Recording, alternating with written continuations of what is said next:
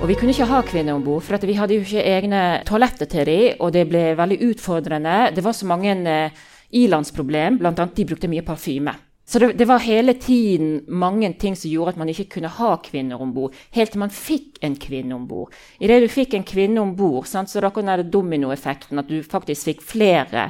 Eh, miljøet ble også bedre, sant? og det er jo utrolig mange flinke folk. Kvinners rolle og kår i arbeidslivet er stadig et aktuelt tema. Når Sjømatpulsen endelig kan gå live med publikum på Statsråden bar i Bergen, heter temaet også Kvinner i fiskerinæringen – er det plass i rommet? Journalist Kjersti Sandvik leder et debattpanel bestående av Monica Langeland, som er salgsansvarlig i Egersund Trål, Kathleen Offmann Mathisen, HR-sjef i Grieg Seafood, og Lars Ove Stenevik, som er styreleder i Sildelaget. Neste del av Sjømatpulsen får du neste uke. Vi skal litt tilbake til de siste ukenes medieoppslag som vi har hørt, om trakassering av kvinner på fiskebåter. Så lurer jeg på, er det bare på havet det skjer? Og hvordan kan vi få slutt på denne kulturen? Og så må jeg presentere dere. Her har jeg Katalin Mathisen, Monica Langeland og Jens Ove Stenevik. Så velkommen til dere. Takk. Tusen takk. Katlin, starter med deg. Du er HR-direktør i Grieg Seafood. Du har vært opptatt av inkluderende arbeidsliv lenge i ulike jobber. Og mener det er viktig at noen tør å gå foran og ta debatten i det offentlige rom. Så takk for det, at du stiller. Eh, de historiene vi har hørt, har jo vært fra flåteleddet. Så hvordan står det til i oppdrettsnæringen? Er det noe, du, noe gjenkjennelig? Eh, altså det som vi kan altså ha så felles, er det at det er mannsdominert, eller mannstungt eh, bransje, det òg.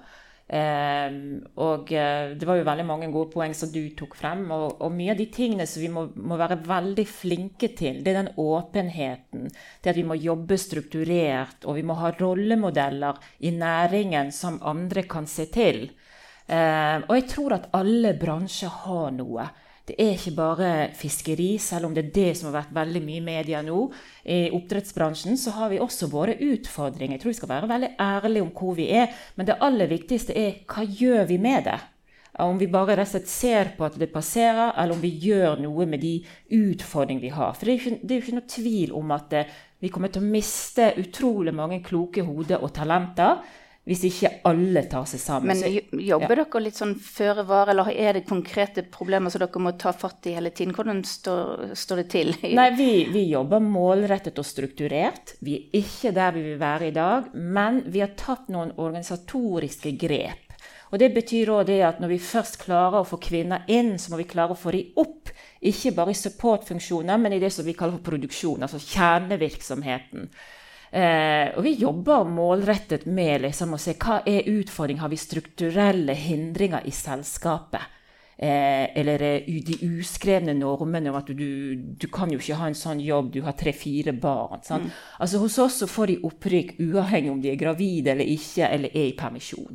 Vi tenker rett og slett bare ren kompetanse. Men er det, er det forskjell f.eks. For på de som sitter på, i administrasjon og i oppdrettsnæring, og de som er ute på merkanten? Det er kanskje ikke så veldig Nei, mange av de altså, lenger? jeg opplever altså, sånn som så, sånn så på en måte eh, selskap eller næringen generelt, så er, er det jevnt og trutt at du prøver å rekruttere egentlig like mye kvinner i det administrative som i på en måte det operasjonelle. Mm. Takk til deg foreløpig. Monica Langeland, du er salgsansvarlig i Egersund Trål har jobba der i sju år. Og før den tid jobbet i Fiskeridirektoratet i Møre Not du er utdanna fiskeribiolog fra Universitetet i Bergen og har skrevet masteroppgave på Havforskningsinstituttet om bunntråling. Altså en veldig allsidig bakgrunn for næringen. Så takk for at du kom. Og jeg lurer på, er noe av dette som, har, som har kommet fram i mediene de siste ukene Er det sånn at du kjenner deg igjen i noe av det som har eh, blitt fortalt? Eh, nei, jeg kjenner meg ikke igjen i så stor grad av trakassering som det her er nevnt. Jeg har opplevd uheldige episoder. Eh, men det er ikke noe sånn at det er noen sånn grupper eller noe over tid, da. Eh, så jeg syns det er veldig viktig å poengtere at jeg har vært 15 år i fiskeriet nå. Og jeg er her fortsatt fordi at jeg trives. Og jeg er her jo mest pga. folka, fordi jeg liker folka, og det er kjekke folk å være med. Uh, så jeg syns det blir sånn som det er i media nå, det blir veldig svart-hvitt. Og det er det ingen som tjener på, tenker jeg. Vi må få nyansert det mye mer hvordan det er. Og jeg, jeg vil absolutt anbefale kvinner å søke til fiskerinæringen. For jeg tenker jo flere kvinner det blir, jo bedre blir det, og hvor enklere er det, på en måte. Mm.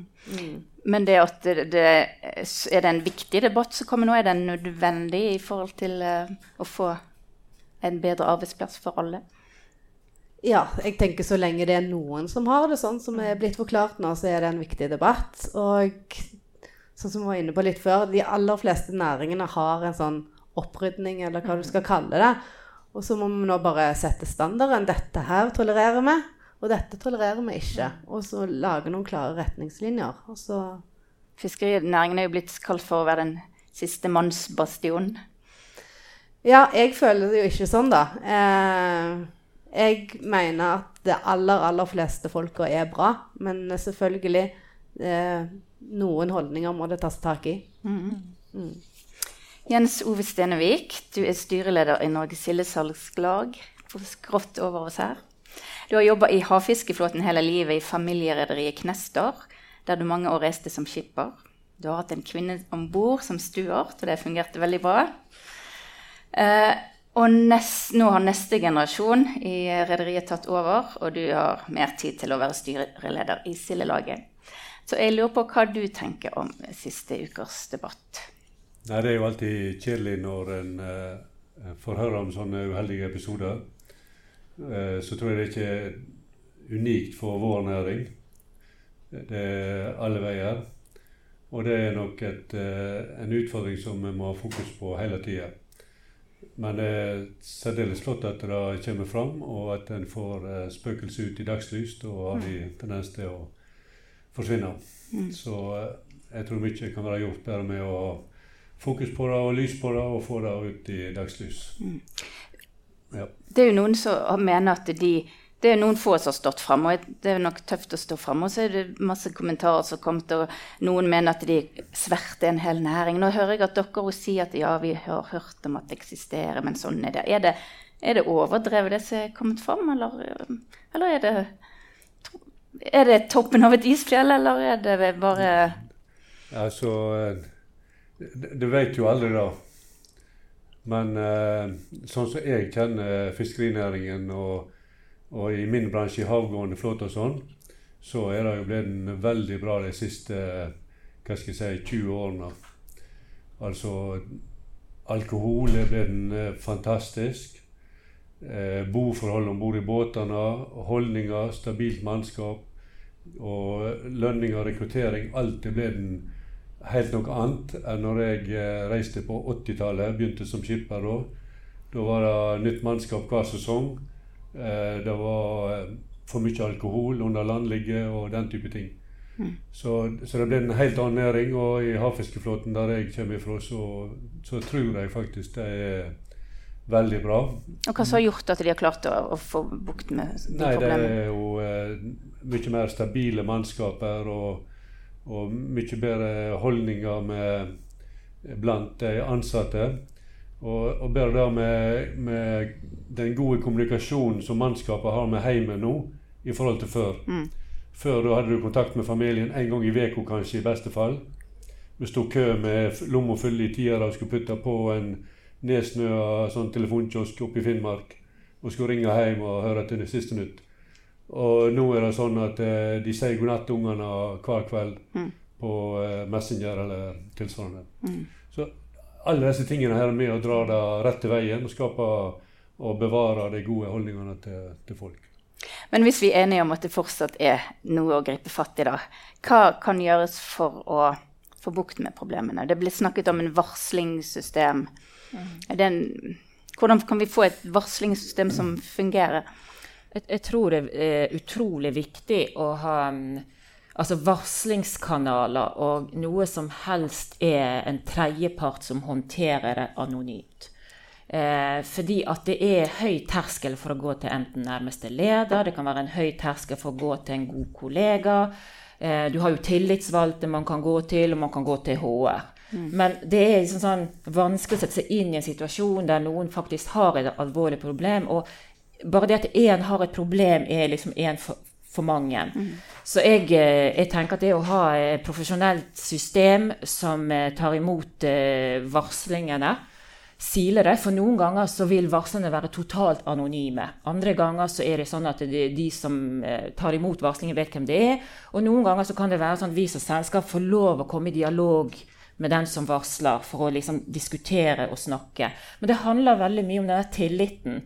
Og eh, hvis ikke du har et, et, godt system rundt det, så tror jeg veldig mange ting faller enten mellom to stoler, eller man, man får ikke bukt med problemet. Og det er litt det som du sier. Sant? at det, det har jo vært en enorm reise hvis vi, hvis vi ser tilbake på mm. tingene. Men det aller viktigste er jo egentlig ikke alt som skjedde før. Det er liksom, hva, hva gjør vi i morgen? Sånn? Debatten kommer opp igjen. og Hvordan kan vi på en måte bare styrke oss? og Du sier at du har trives supergodt der du er. Det gjør jo også jeg. Jeg opplever ikke de tingene, men jeg har opplevd veldig mye ting som eh, ikke hadde tålt førstesiden i, i avisen. Sant? Men ikke alle er tøffe nok til å gi beskjed. Mm. Men eh, gode varslingsrutiner er ekstremt viktig. Og når du først har det, så må de ansatte vite om det. Mm. Det er ikke nok å ha noe som er der på nettsiden, men de må vite om hvordan bruker jeg dette her. Monica? Ja, og så tenker jeg at det er viktig at det kommer fra ledelsen at dette og dette er akseptert, og at sånn kultur vil vi ha. Men også at at andre folk kan se Oi, der så jeg at hun ble dårlig behandla. Mm. Nå kan jeg gripe inn mm. og si ifra, sånn at det ikke bare alltid er damen eller den som blir utsatt for det, som skal varsle, men at kollegaer har like stort ansvar mm. for å si ifra når de ser noe som de ikke vil ha på sin arbeidsplass. For det at ofte så er det jo hvis det er en sånn mobbeholdning eller mobbekultur, så er det kanskje litt tilfeldig hvem som blir plukka ut den dagen, og kanskje neste dag blir det deg, på en måte. Mm. Sånn at du på en måte har et felles ansvar å si ifra, for det kan være vanskelig å stå alene og mm. varsle. Og da er vi litt over på det med holdningsendringer, mm. så det de snakket om her. Altså, hvordan jobber dere med holdninger i, i, i der dere kommer fra? Ja, det er jo et abstrakt spørsmål sånn sett. Det er jo eh, å, eh, begynne med seg sjøl og oppføre seg skikkelig. og og, men det hjelper jo òg å, å, snakke om holdninger og, og eh, ja, ikke være redde for å si ifra hvis det er holdninger blant kollegaer som, som bør fikses litt på. Så må en jo kunne gi beskjed, altså på et tidlig stadium. Så da men ellers hvordan en jobber med det, er jo et eh, vanskelig spørsmål å svare på. Da. Det er mm. masse småting, tenker jeg. Jeg snakket med en, eller to jenter faktisk som hadde vært i Forsvaret forrige uke. Og de sa at i Forsvaret så var det sånn, det har jo ikke vært så bra der alltid heller, men at fra første dag du kom inn der, så var det bare sånn Så får vi et ark der, og der sto det bare at her er det null toleranse for trakassering. Og skjer det noe, så er det her du varsler. Altså at det er veldig, veldig tydelig. Mm. Kunne det vært en vei å gå? Jeg kan si litt om hvordan vi jobber med det. Altså, eh, altså har, eh, altså det er jo obligatorisk. Det er ikke noe de kan velge som ansatt i, i Grieg Seafood. Men eh, de går gjennom en e-learning-program, altså de etiske retningslinjene. Og, og, der har vi utvidet alt som har med trakassering, og så har vi også eh, opplæring i forhold til metoo. For det er et område folk ikke alltid forstår. Hva betyr det egentlig med metoo, og når eh, er det gått for langt? Eh, men der har vi også på en måte vært veldig tydelige på lederen sitt ansvar. For det er noe med den eh, skjeve maktbalansen, sånn underordnet, overordnet, eh, at man av og til kan oppleve at man må være med på noe for å bli godtatt. Eh, nå har jo ikke vi fiskebåter, men vi har jo sider der folk er i rotasjon og må bo der over lengre tid. Men eh, vi har oppdaget at denne systematiske opplæringen eh, Og gi konkrete eksempler. Hva, hva, betyr det? Ikke bare si at vi har nulltoleranse og dette er ikke bra.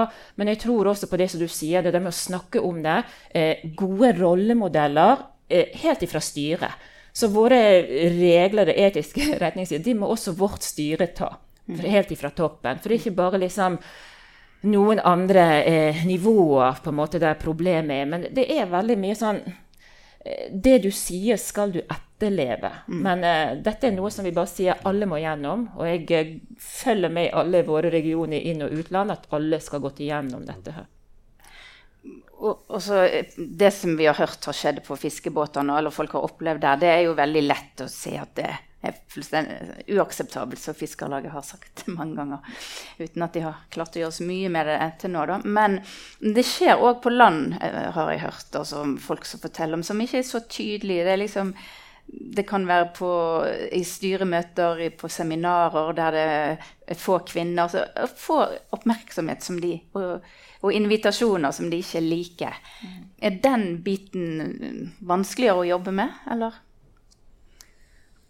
Jeg, jeg, tenker ikke at det er vanskeligere å jobbe med det, fordi at um, altså Hvis du er isolert et sted, så er det vanskelig, det som du nevner. Sant? Dette å ha noen gode folk å snakke med. med. Altså Hvis du på en måte har en stilling der du eh, ja, har tilgang til support på en annen måte. Men jeg, jeg ser veldig likt på alt det der. Men eh, det er jo det der med å liksom sette foten ned og si vet du hva, det der syns jeg faktisk ikke var ok.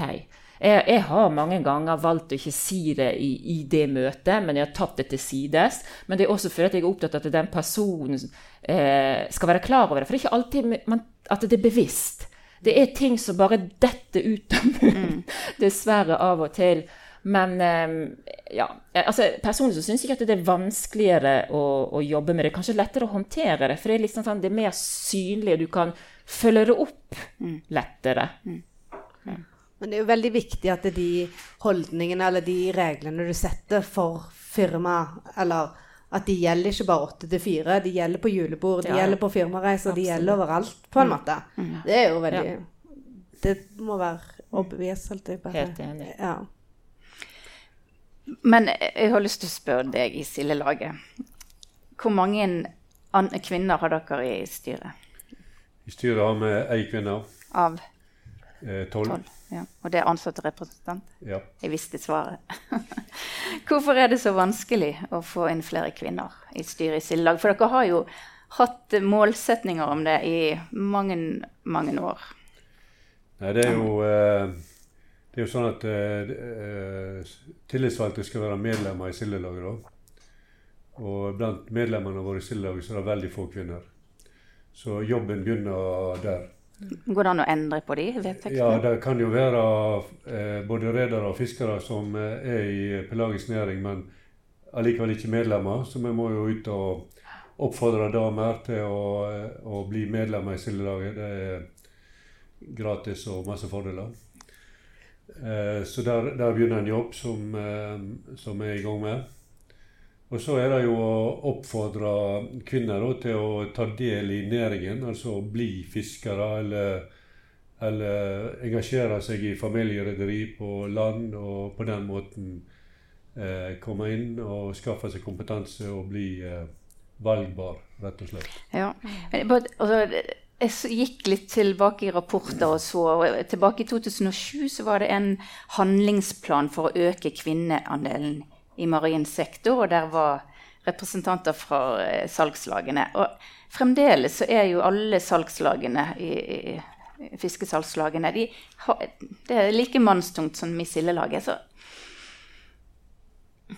hjelper det med alle disse rapportene og utredningene og målsetningene?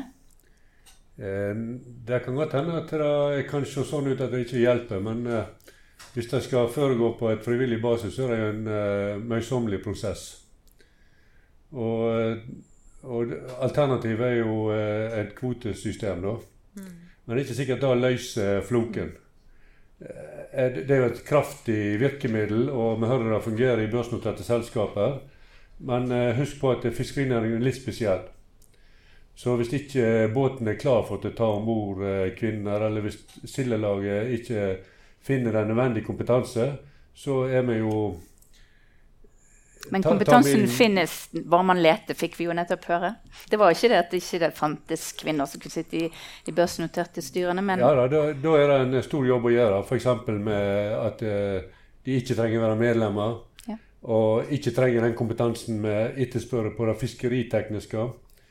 Og, og så, så, så, er det nok kvinner å, å finne. Mm. Men hvis vi skal finne kvinner i det smale sporet som vi er i, som kan håndtere de utfordringene som eh, eh, tillitsmannsapparatet skal ta, da er det få kvinner å velge i. Mm. Det er en kjensgjerning. Jeg traff en fra et annet eh, salgslag, fiskesalgslag for ikke så lenge siden som sa at det, nå kjenner vi litt på presset, sa han, eller vi kjenner det veldig godt. Og han mente at det kanskje var det å Kanskje man kunne utvide styrene for å få inn flere kvinner. Er det noe Ja da, det er jo absolutt en, eh, en mulighet. Og, og, vi har jo ei smørbrødliste med ting som vi har, eh, har tenkt å, å, jobbe videre med. da. Som jeg nevnte, at, eh, at kvinner som er i bransjen, men ikke er medlemmer, de må bli medlemmer for å være valgbar. Og, og så er det jo f.eks. valginstruksen går an til å jobbe med. Da er det enten mm. utvida styre eller, eller si bestemt at vi skal ha to kvinner For, for det er ikke så mange kvinner i lederstillinger i sildelaget heller? Eh, i, eh, blant de ansatte så ligger mye så verst an. Og så eh, er jo det en god begynnelse, da. Så blir de nok ledere etter hvert. ja. Har dere eh, Havbruksnæring er på en måte en nyere næring, så med ikke de strenge retningslinjene for å bli valgt inn i styrer. Nei, vi har jo vært gjennom en, en reise, det òg. Altså, nå er det vel altså, Når vi snakker nå, så er det 50-50 i styret. Sant? Men det som vi jobber med, det er de andre lagene. Jeg tror altså, Av det som vi har rekruttert inn så langt i år, så er det 38% kvinner. Men det er fordi at vi har jobbet ekstremt systematisk med det. Sant? Og det som jeg sa innledningsvis, at jeg brenner jo litt for det, men det er jo ikke, det er jo ikke liksom min jobb. Det er egentlig hele konsernledelsen og eierne som på en måte er med og støtter det. Men eh, børsnoterte selskaper har jo helt andre krav. Mm. Så det er jo på en måte Du kan ikke alltid sammenligne det helt. sant? Men det som jeg tenker er mm, gjerne veien å gå, det er å utfordre disse status quo. Hvis du har vedtekter, så hindrer det eh, i form av medlemskap og disse tingene. Altså, man skal ikke være redd for å gå inn og på en måte røske litt opp i det. Og det at, du, at man har kvinner som ønsker seg eh, oppover i systemet, sant? det er jo viktig. Men vi må ikke glemme i debatten at eh, de fleste selskaper er avhengig av god kompetanse, uavhengig av kjønn. Mm. Altså, når jeg rekrutterer, så er det kompetanse vi har inn. Og jeg vet at mange kvinner ikke vil bli kvotert inn. Mm. Jeg ville ikke fått jobben bare for at jeg var kvinne og passet inn i den brikken der. Det hadde jeg ikke syntes var ok. Jeg vil ha jobben fordi jeg er god nok mm. og er den beste kandidaten. Mm. Tenk på det, Monica, Har du sett noen endringer i de årene du har vært i næringen i forhold til uh, kjønnsbalansen? Uh, ja, det er kommet flere kvinner inn enn når jeg begynte. Det er det. Uh, men det går jo litt treigt. Det syns jeg. Uh, men samtidig jeg, fikk, jeg ble daglig leder etter to år i jobben, på en måte. Så det, det Noen går mot strømmen òg, på en måte. Men jeg tenker hvis en vil ha kvinner, og dere ikke finner, og det gjelder andre òg det går an å søke. Er det noen som har lyst å sitte i sildelaget? Er det noen som har denne kompetansen, akkurat som man søker etter andre jobber, på en måte? Eh, hvis det er vanskelig å finne. Så det, det fins muligheter, tenker jeg, hvis man snur litt på steinene og, og tenker at dette skal vi få til. Så ja, så Det er ikke sånn at vi ikke har prøvd. Så du må faller ikke uh, tro, da. Det er jo valg en gang i året på styret, f.eks. Og og det blir gjort en nitid jobb, men åpenbart ikke god nok. Så ydmyk for det. Og det kan godt hende at vi skal senke kompetansen på fiskeritekniske ting for å få inn en kvinne på en begynnelse. Det kan godt hende at det er rom for. Det er ting som vi må se på. Men det er jo litt skremmende da, når du sier det er ikke det at vi har prøvd. Vi har prøvd, og vi har prøvd i 10 og 20 og 30 år. Så hva er det mulig, da, siden dere ikke har klart det til nå? Ja, så det er jo eh, skremmende i utgangspunktet at det bare det er 3 av eh, eh, kvinner på Blabero, altså aktive kvinner eh, i fiskeriene eh, Aktive fiskere i, eh, er det 3 som er kvinner. Så det, så det, det begynner jo der. Mm. mm. Og så kan ikke sildelaget trylle eller, eller, eller, gjøre så mye du, du, skal ha en viss kompetanse. og Og hvor mye skal du bygge ned til fiskerikompetanse for å få annen kompetanse, altså økonomi, juss og dette vanlige som børsnoterte selskaper mye lettere kan, eller har bruk for, og lettere finne. Så det er mye lettere for et børsnotert selskap, tenker jeg, å finne kvinner til den kompetansen de skal ha, enn for sånne spesielle organisasjoner og, og i fiskeriene. Men tenker du, altså er det noe som er genuint ønska, eller er det liksom nå dere føler press utenfor at nå må dere komme, bli litt mer si, moderne, dere òg? Hva tenker du at, dere, kvinner kan bidra med noe? Vi ønsker og har jo lært og hørt, eh, som vi ble skolert her med i starten, at eh, har du flere hoder å velge med, så har du større mulighet til å få opp kompetansen. Så det, det ønsker vi. Og, og, og, kvinner tenker kanskje på en litt annen måte enn menn, så der er en plusside. Og så dette med holdninger og trakassering er det òg en gevinst hvis en får flere kvinner inn i, i organisasjonen og i, på fiskebåten. Så, så, klart det er ønskelig. Mm. Men det gamle kjønnsrollemønsteret i fiskeriene henger jo mer igjen enn en i andre næringer av, av sine grunner, mm. tenker jeg. Og jeg tenker, Omsorgsoppgaver spesielt. Mm. Men det med rekruttering, altså hvis ikke denne næringen skjerper seg litt nå, hvordan blir det da med å få de beste hodene til å jobbe i næringen? Ja, så Jeg syns vi har uh, skjerpet oss ganske bra. Jeg. Eh, det er jo uh, uheldige episoder som vi absolutt tar avstand fra i vår næring òg. Men jeg tror ikke fiskerinæringen er verre enn andre næringer. Så, tror ikke du det? Nei. Nei, det tror jeg ikke. Det, altså, det er jo ikke lett å måle dette, men jeg tror ikke det. Og som jeg sa i havfiskeflåten der jeg kommer ifra, så uh, har miljøet utvikla seg til det bedre kolossalt de siste 20 årene. Kanskje de siste 30 årene. Så uh, jeg tror i, i havfiskeflåten er det ingen problemer med å ta om bord uh, kvinner overhodet. Kan jeg si noe om det med ja, akkurat det med, med rekruttering? Sant? For at um, når vi har rekruttert eh, Jeg har jo bakgrunn fra olje og gass òg, og det har også tidligere vært eh, mannsdominert. Og så husker jeg at når jeg jobbet som personellkoordinator, så var det sånn at eh, jeg hadde jo ikke kvinner om bord. For at du nevnte dette her med det, noe som er sammenlignbar. Og vi kunne ikke ha kvinner om bord, for vi hadde jo ikke egne eh, eh toaletter til dem, og det ble veldig utfordrende. Det var så mange eh, ilandsproblem, bl.a. de brukte mye parfyme. Eh, så det, det, var hele tiden mange ting som gjorde at man ikke kunne ha kvinner om bord. Helt til man fikk en kvinne om bord. Idet du fikk en kvinne om bord, så da kom det dominoeffekten, at du faktisk fikk flere. Eh, miljøet ble også bedre, sant? og det er jo utrolig mange flinke folk. Eh, men jeg, jeg, har også sett det der med sant? Noen ganger så bruker jeg eksterne byråer for stillinger, og så får jeg beskjed at jeg fant ikke. Vi fant ikke. Så sa jeg ja, da må du lete en gang til. Ja, når vi letet, vi fant bare ikke. Ja, men da har ikke du letet på det rette stedet. Og da må du faktisk gå inn og pirke i folk. Eh, og, og, på en måte få de i hvert fall til å komme på det der intervjuet. Eh, og, og, samtidig så har jeg alltid liksom altså Til og med i dag så må jeg si at du må ta en runde til. du må ta en runde til, sant?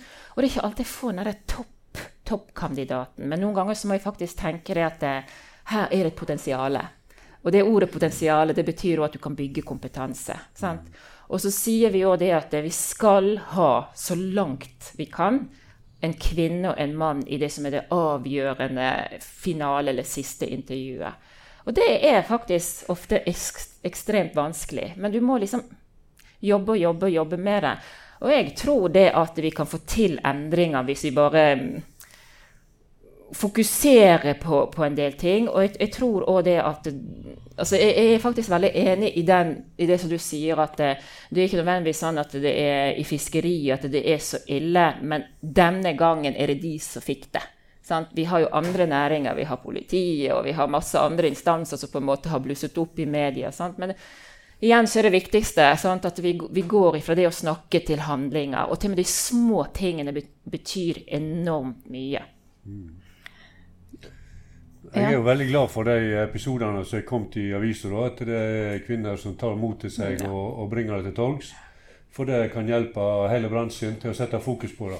Ja. Og ikke bare på kvinnelig trakassering eller seksuell trakassering, men trakassering generelt. Mm. Så det er, det er, veldig bra og veldig flott. Og egentlig velkommen. Det får oss til å skjerpe oss. Det får fokus på saken, og det er vi ja, trenger vi i vår næring òg. Absolutt. Men eh, vi i Fiskeribladet har jo skrevet om dette i, mange år. Vi vil gå tilbake i arkivet, så er det en, eh, var det en runde i 2017 vi skrev om. Var det en runde så og så mange år siden. Så det er jo ikke noe nytt, og da blir det litt sånn som de, i den der parodien på Nytt på Nytt. sant? Ja, det samme som Fiskarlaget for 10 år siden, for 20 år siden, for 30 år siden. Dette er uakseptabelt, dette er uakseptabelt. sant? Så, ja. Nei, det er ikke en parodi. Det er en ongoing prosess, og det er ikke slutt i dag heller. Det blir sånn fremover òg. At vi lite har fokus på trakassering, og det blir aldri slutt. Men det blir bedre. Forhåpentligvis bedre. Helt sikkert bedre. Og så er det nulltoleranse for egentlig trakassering av enhver art. Altså det, det tror jeg er det viktigste budskapet selskapene har fra toppen. Men sånn, dere som har venner utenfor næringen, får dere noen sånn reaksjoner? Hvor er det, Hva bransje er det du jobber i? Eller er, det, er det oss si, i sjømatnæringen som følger best med på det som skjer? Nei, jeg har fått noen kommentarer, for jeg har jo ingen venninner som jobber i fiskerinæringen. Så da har jeg fått liksom sånn Er dette så gale som det sies? Og da vil jeg si nei, det er ikke så gale som det virker i media, for det er veldig svart-hvitt fremstilt i media. Eh, og det tenker jeg at ingen tjener på. For det, vi vil ha mer kvinner inn, og vi, og vi vil at det skal bli enda bedre. Men det er veldig mange som er flinke, og det er veldig mange som har fokus på dette. Og så er det noen som må gjøre noen endringer. Og de må vi legge stort press på, sånn at de endringene skjer. Og at det, ja, det blir sånn som du sier, at det blir bedre herfra. Og at det hele tiden går i riktig retning. Og kanskje vi kan få et stort push nå, sånn at det gjør et hopp i riktig retning. Nei, jeg, jeg, jeg vil jo bare si at uh, fiskerinæringen er en veldig flott næring. Det er masse muligheter. Det er mat, og det er framtid. Så må jeg jo bare få lov å benytte anledningen til kvinner å engasjere seg. Skaffe seg kompetanse. Vise seg fram. Og, og, eh, og få interesse for det. Og, og det er klart at eh, får vi flere kvinner inn i næringen, så er det en del ting som blir lettere å håndtere. Jeg tror at når kjønnsbalansen er, er litt bedre, så er det en del ting som naturlig faller på plass. Når det er for mannstung, så er det jo eh, lett for at en, en gror fast i et mønster og, og ser ikke alt like klart. Så eh, alle kvinner som måtte høre på, de må bare vise sin interesse for norsk fiskerinæring. Det er kjempeflott å jobbe her. Hakket bedre enn oppdrett. Den debatten får vi ta en annen annen da gang. var liksom ballen til meg. Ja, Nei, men, men for å si det sånn, da, vi, vi deler gjerne vår kunnskap om hva vi har gjort. Men, eh, nei, men jeg er enig. altså Matproduksjon generelt er jo eh, et satsingsområde. og eh, jeg tenker at det, ofte at det er jo egentlig bare muligheter. Det spørs hvordan du ser på om det er et problem eller utfordring, eller om du har en mulighet til å gjøre ting bedre. Eh, og jeg stortrives jo der jeg er, men det er også fordi at det er et sted der jeg tenker og mener at jeg kan gjøre en endring. Eh, jeg gikk inn i oppdretten for at det, det var veldig konservativ. Og folk sa at nei, men her skjer det ikke noe. Og så opplever jeg egentlig det at det, det er mange som har lyst til å gjøre noe, men trenger et spark bak. Eh, så jeg er jo sånn eh, over gjennomsnittet positiv til mye av det jeg holder på med. Så kunne jeg ikke jobbet med det. Men det der med å liksom se at du beveger deg i rett retning, sant? om det er små steg eller litt større steg, det gir på en måte den kraften til å liksom stå på videre. Så jeg tenkte at det er faktisk min jobb å, å være den stemmen og, og, og bidra. Sant? Altså, ikke det å trakke ned noe, men det å prøve å løfte andre og næringer og eh, ja, konkurrenter. Jeg syns det er viktig. Ja. Nei, jeg merker nå når vi sitter og prater og etter hvert blir bedre kjent med deg, så skal jeg, eh, så skal jeg eh, lett innrømme at du har gått flere viktige runder enn jeg har gjort. Som bedriftsleder og, og som ansvar for trakassering. Så eh, kunnskap og erfaringer du har gjort, det tar, takker jeg ja til med en gang. Så det er greit. Veldig bra. Men da har vi jo fått litt av hvert ut av denne her samtalen. Tusen takk til dere som stilte, og tusen takk til dere som kom og hørte på. Takk for at vi fikk komme. Dette var et opptak for Sjømatpulsen. Andre og siste del får du neste fredag.